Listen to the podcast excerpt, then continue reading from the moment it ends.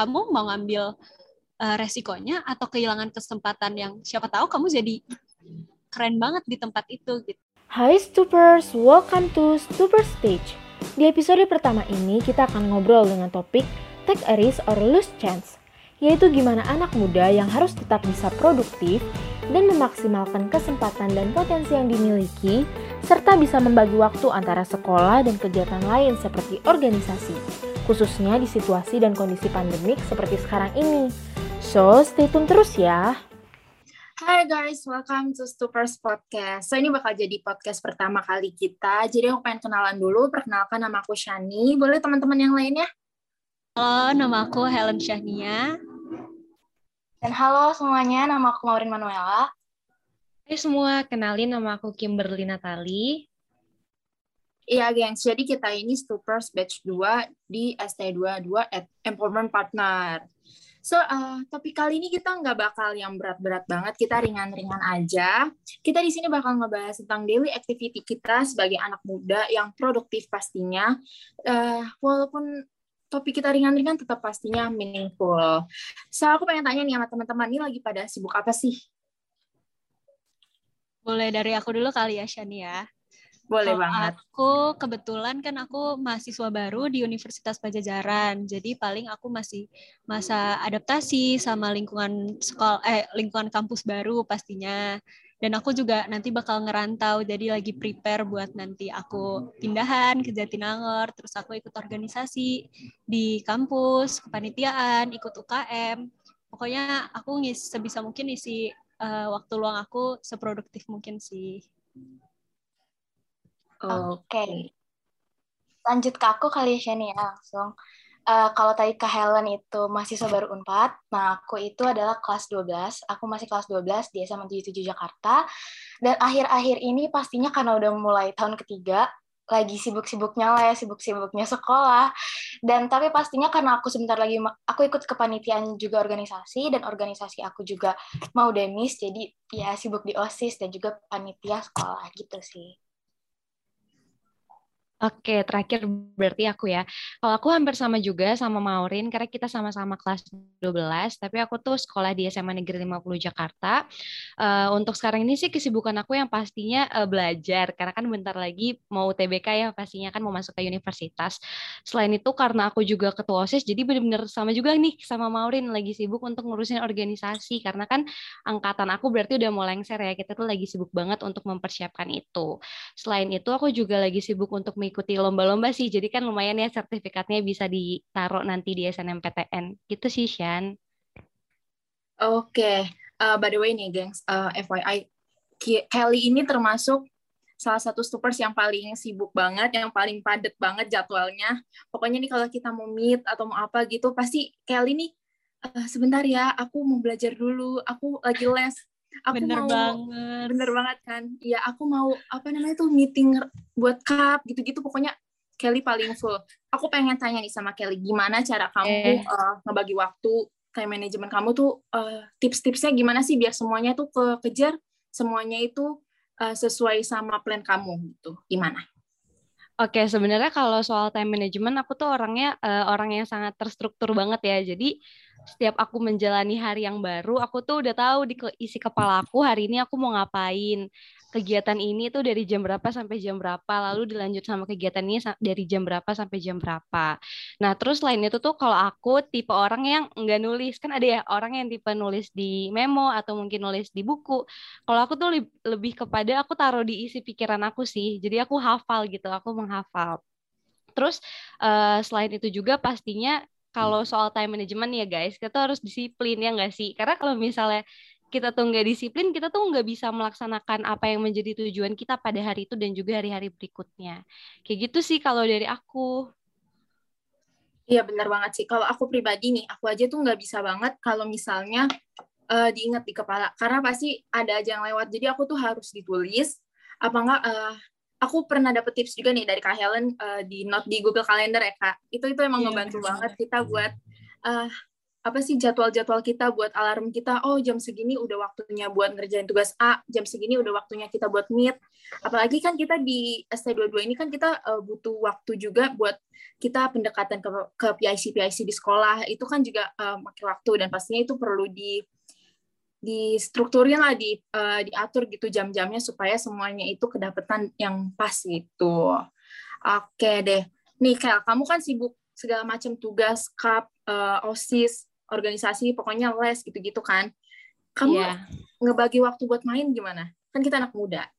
Ya dong masa nggak main? Iya. Nah, kalau itu sebenarnya gak boleh lupa sih, karena kan pasti kalau misalkan kita nggak main pada stres nggak sih ya nggak sih, Kak Helen, Maurin, ya kan? Benar, benar, benar, benar. Kalau misalkan kita nggak main gak dibangin sama main tuh stres. Jadi biasanya aku tuh main kalau misalnya semua deadline aku atau semua tujuan aku tuh udah tercapai gitu. Jadi aku lebih kepada misalnya nih hari Sabtu aku mau main berarti semua tugas aku tuh udah harus selesai dulu sebelum hari Sabtu. Atau ya. Iya. Atau kalau misalnya bener-bener mepet banget nih pengen main tapi juga ada uh, tugas biasanya aku ngerjain tugas sambil main jadinya uh, ngerjain tugas dulu terus habis itu main. Kalau aku sih gitu. Kalau Kak Helen atau Marin gimana kira-kira? Sama sih aku kurang lebih aku kayak gitu. Kayak misalnya udah ada plan nih nanti sore mau main. Oh pagi aku kerjain dulu apa yang bisa aku kerjain dicicil biar pas udah deket waktunya tuh kita nggak keteteran dan prioritas tuh bener banget dan aku juga uh, kayak tadi Shani bilang tuh aku sempat kasih tips nih ke adik-adik ini yang lagi sekolah pakai Google Calendar. Jadi aku tuh pokoknya tahu apa yang harus aku kerjain timelinenya kapan. Dan kalau Google Calendar kan kita bisa dapat notif tuh dari emailnya. Jadi tuh bener-bener oh iya ada ini aku harus kerjain dulu gitu. Itu penting banget sih. Yang penting tahu gitu porsi-porsinya untuk segala kegiatan Aku setuju banget sih sama Kak Helen, tapi kalau misalkan dibilang tentang cara bagi waktu, aku berbeda sama Kelly. Nah, aku tuh justru harus yang ditulis juga sama kayak Shani. Karena kalau misalkan aku tulis di terstruktur A, B, C, D, uh, hari baru nih kita lihat, oh hari ini gue kerjanya kayak gini-gini, langsung ada motivasi gitu kan. Nah, terus aku juga sebenarnya pakai Google Calendar juga nih, sedikit tips buat kalian yang mungkin nonton podcast ini. Um, Google Calendar tuh bisa di apa ya disusun sesuai dengan prioritas kita kayak warna ini warna ini. Jadi karena kita terbiasa uh, jadi semua kegiatan dan um, apa pun upcoming list upcoming task yang kita punya itu gak bakal kelewat gitu sih kalau aku. Tapi nih Ren kamu tuh kamu kan 11 12 sih sama Kelly kan sibuk lagi sibuk buat uh, persiapan UTBK kan ada nggak sih kayak suka duka kamu gitu? Atau kalian pernah nggak sih nih kalian berdua nih kalau kak Helen udah tenang lah dia di PTN gitu ya udah masuk udah lewat kalian ya. berdua kan masih masih ini kan masih berjuang banget nih. Oh ya gengs. FYI aku paling muda di sini. Jadi aku pengen minta banyak tips nih buat kak, uh, sama kakak-kakak super nih. Jadi aku pengen tanya nih uh, kalian berdua pernah nggak sih uh, ngerasa kayak insecure gitu?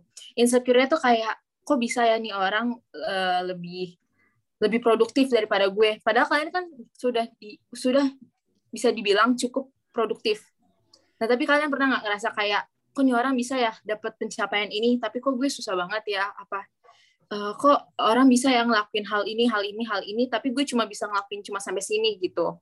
Gimana? Terus cara kalian buat grow up gitu, buat bangkit lagi dari rasa insecure kalian tuh kayak gimana sih? Um, Oke, okay, mungkin aku dulu kali ya, Kel ya? Atau, oke, okay, aku dulu. Ya, kamu um, dulu aja.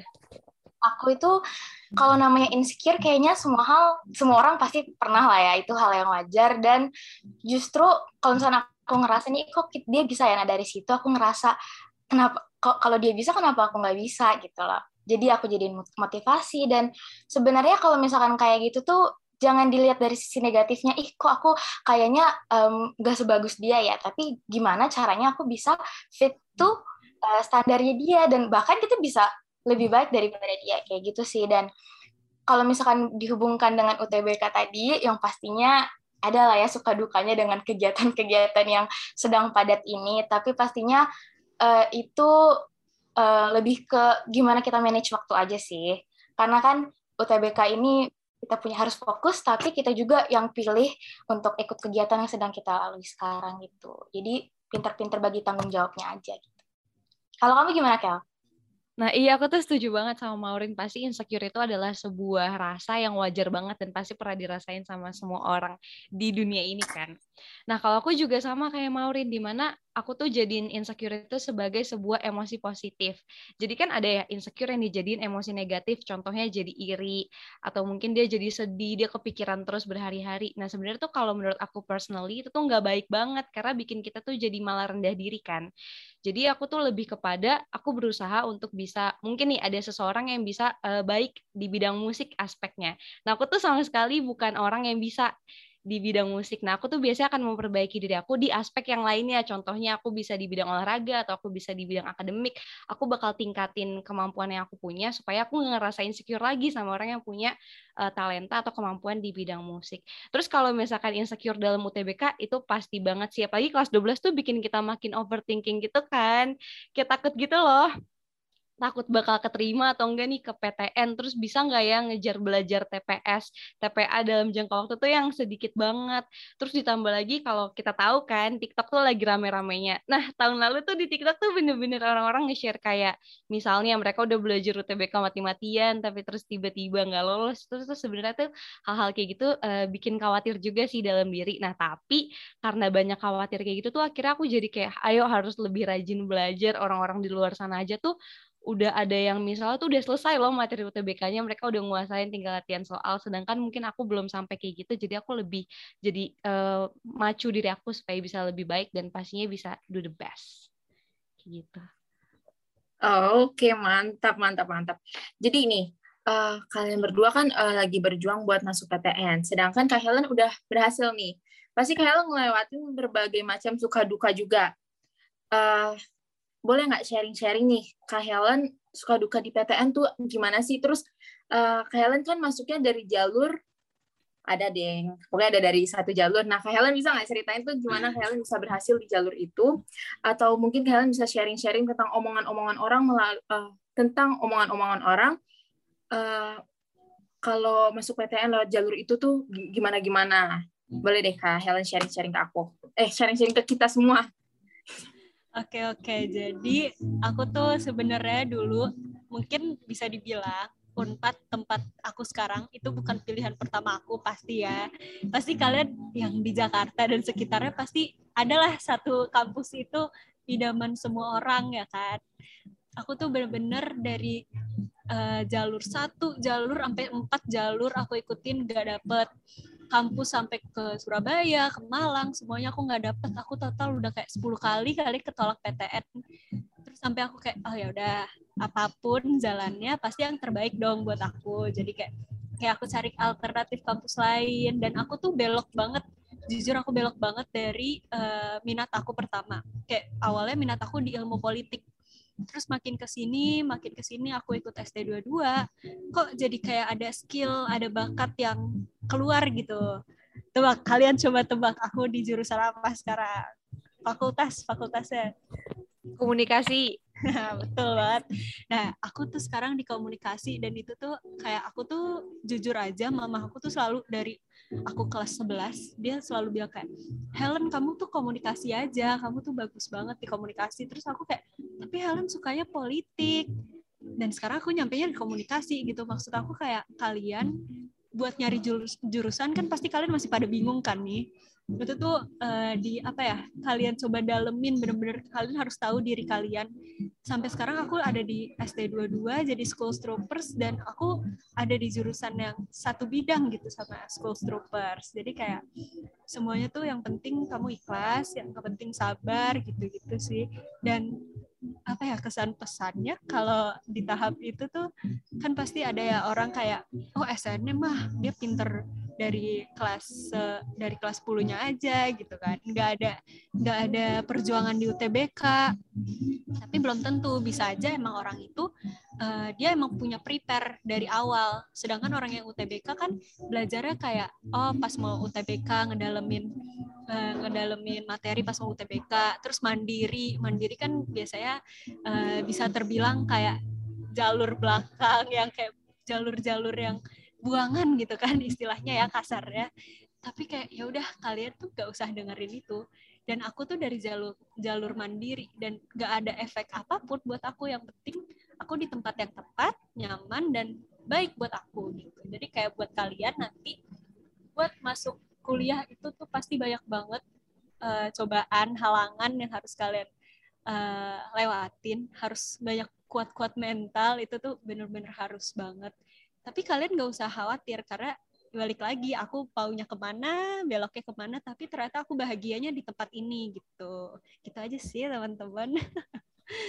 Kurang lebih. Iya benar-benar benar. Sih. Jadi mau jalur apa pun itu kamu nantinya masuk ke suatu universitas itu berarti emang udah rezeki kamu udah jalannya Tuhan kamu buat ber, berkembang di situ buat kamu uh, salurin uh, minat bakat kamu buat kamu ke depannya mau jadi apa, kamu salurinnya melalui universitas yang udah disiapkan Tuhan untuk kamu. Jadi mau jalur apa pun itu, gengs, tenang aja. Kalau udah rezeki, rezeki. Kalau belum rezeki, nggak ada yang namanya belum rezeki. Emang rezekinya di situ kan. Ya, mau dia nantinya, mau nantinya dia di uh, eh, PTS ataupun PTN, kalau misalnya dia rezekinya di situ, memang itu udah jalannya Tuhan yang terbaik untuk kita semua. Ya, balik lagi kayak ada pepatah yang bilang di kalau emas di mana pun bakal tetap jadi emas. Jadi kalian harus fokus sama diri kalian. Mau kalian di PTS, PTN, mau di ngerantau ke mana, kalau kaliannya emas ya udah kalian emas aja di tempat mana pun itu. Jadi tenang aja.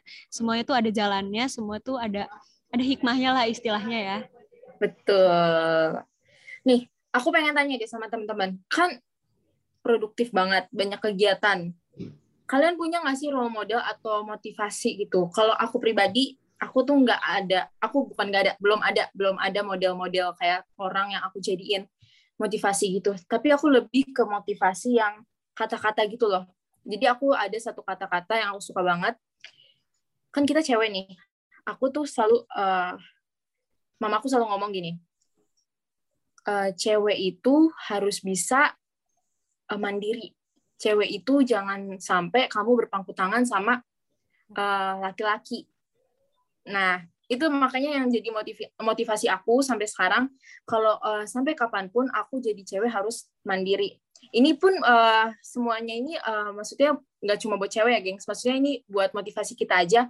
Kalau kita sebagai cewek tuh juga harus uh, cari kemampuan kita tuh di mana sih? Jadi kita nggak yang cuman berdiam diri nggak cuma yang uh, berpangku tangan gitu uh, hanya ber apa namanya ber ketergantungan gitu ya itu bergantungan sama uh, laki-laki. Jadi kita tuh uh, harus cari uh, kegiatan kita apa gitu. Kalau kalian tuh ada nggak sih motivasi atau mungkin kayak role model orang gitu yang kalian uh, kayak kalian apa sih suka Kagum. banget gitu kagumin banget ha, ha, ha.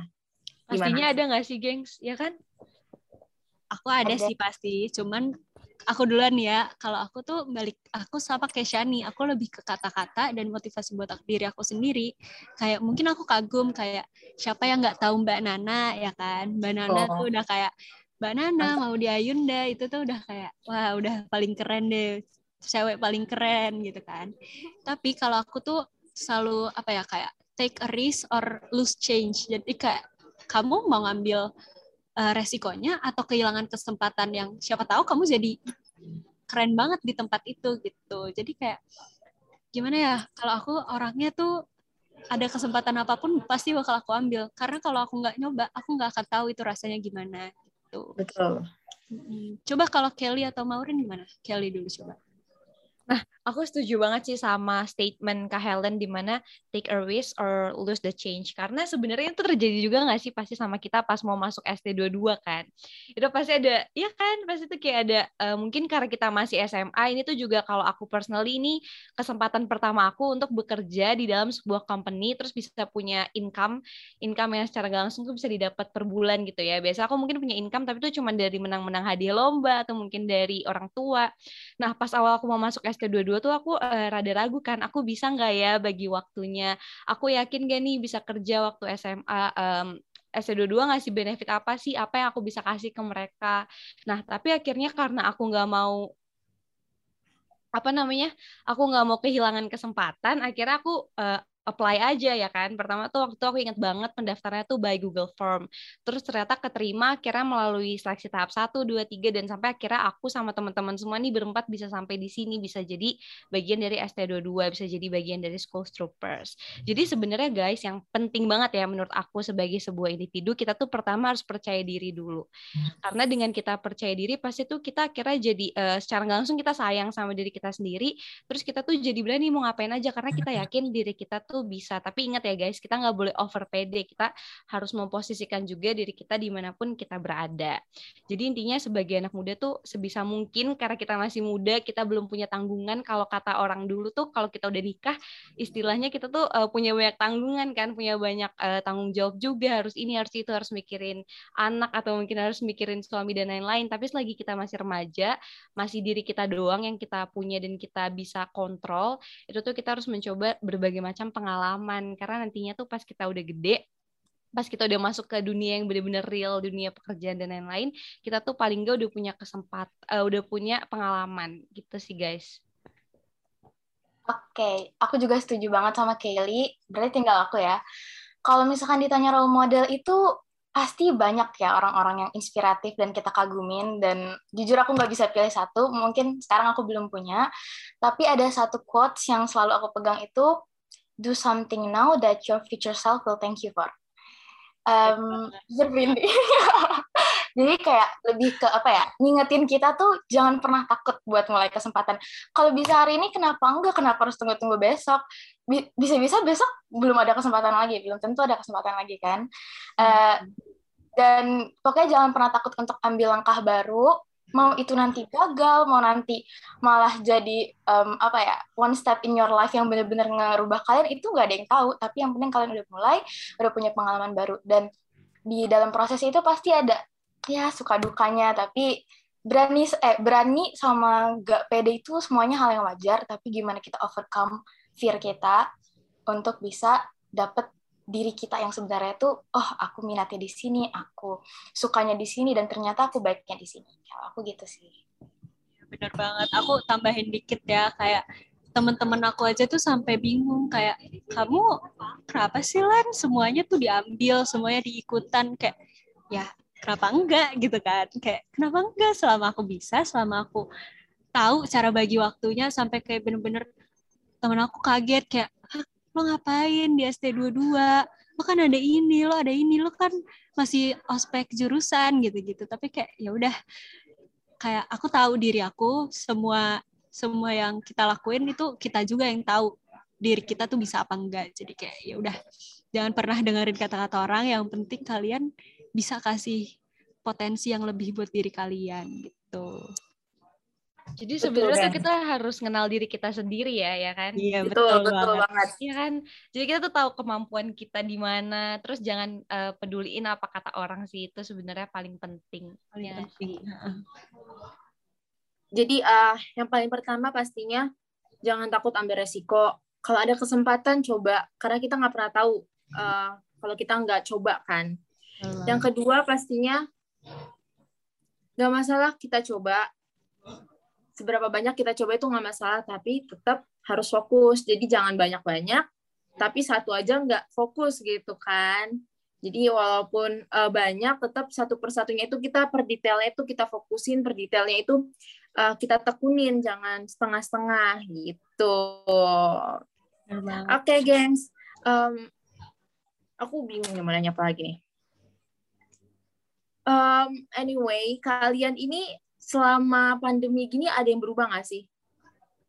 Dari Sumpah ya, aku aja tuh belum pernah ngerasain masa SMA karena pandemi. iya, Shani paling itu. belum pernah jujur, ya. Iya, itu jujur menyedihkan ya, Chan. Gak apa-apa, Shani. Bentar lagi kita offline kan. Corona udah alhamdulillah membaik ya. Udah lebih ya. penting gitu. Gak eh, tapi ketemu di Unpad kan? Bareng kan ini? Amin, amin, amin. amin.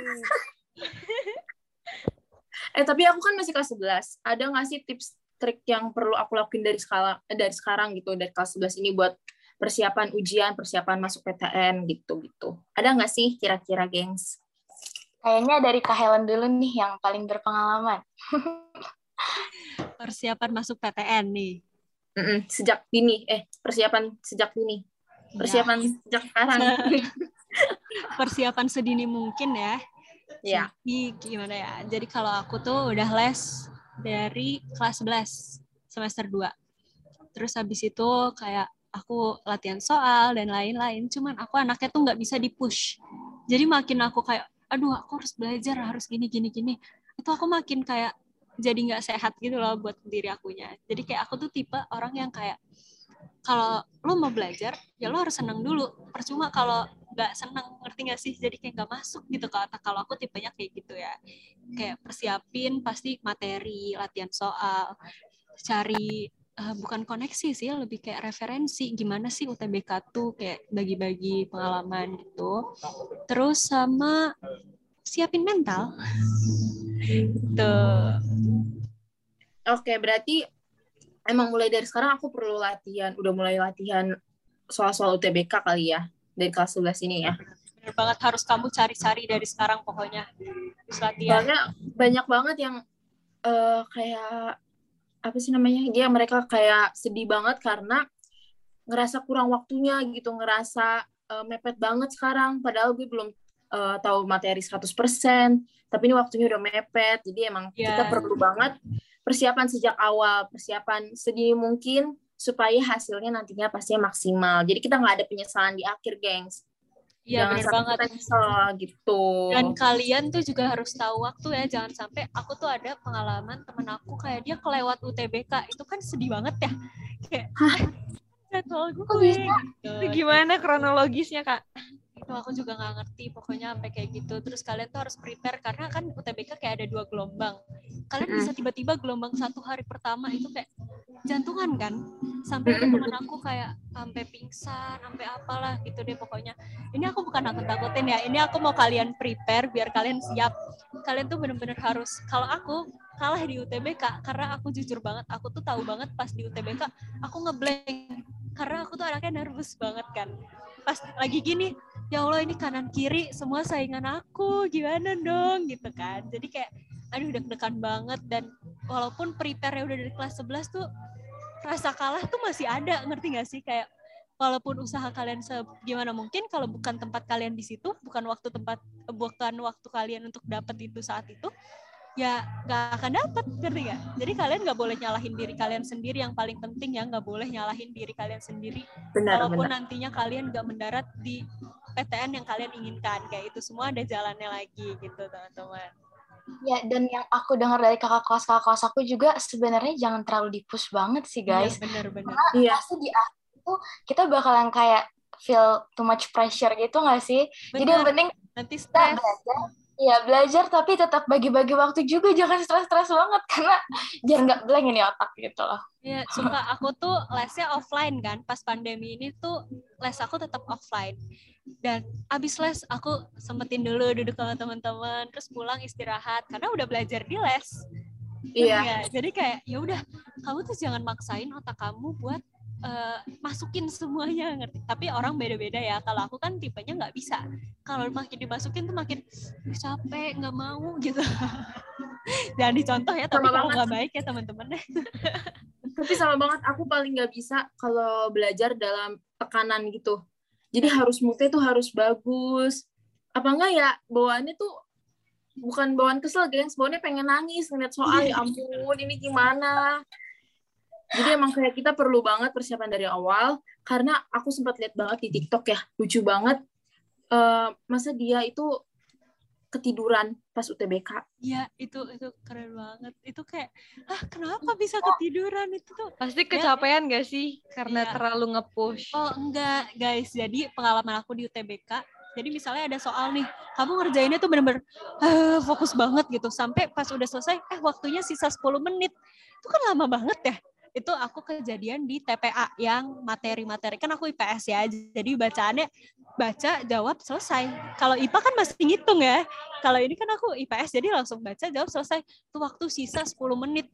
Kebayang nggak kayak ya Allah gabut gue ngeliatin orang masih mikir kayak aku udah nggak tahu mau jawab apa karena kayak menurut aku udah bener ngerti gak sih Iya, dan itu tuh yang bikin kayak ah kok jadi kayak nganggur terus jadi ngantuk gitu-gitu sih itu ada banget kebelet pipis ngantuk itu tuh uh sensasinya banyak kendala-kendalanya Kita akan merasakannya, Kel, Rin, nanti. Sebentar lagi ya ya. harus ya kalian Apalagi harus siap-siap ya Mm-mm. soalnya soalnya aku nungguin nih di unpad nih Aduh, Uh, pembahasan amin. malam ini bikin deg-degan ya.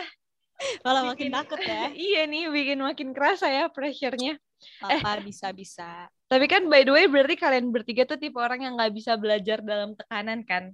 Nah, Iya. aku tuh kebalikannya. Mungkin karena aku terbiasa hidup dalam tekanan, jadi kalau misalkan definisinya tuh agak "Hah, kenapa nih tertekan jadi kalau belajar pun kalau misalkan dalam keadaan tertekan tuh aku bisa aja malah gitu. ini ya malah terguncang ya Ya malah hati aku tergugah kayak ayo cepet kita harus belajar dengan baik gitu kan. beda kan Nah. guys kalau ketua osis yang ngomong kan Beda-beda.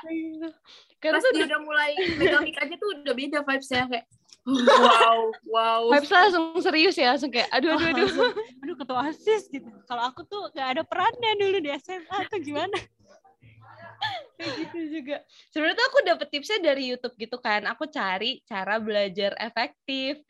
Terus tuh pokoknya eh, aku tuh sering banget kan belajar dalam tekanan kayak malam-malam gitu capek banget, udah mau nangis-nangis. Nah, sebenarnya tuh kalau tips dari YouTube tuh katanya eh, nggak apa-apa kayak kita tuh nangis dulu mungkin 5 sampai 10 menit tenangin diri.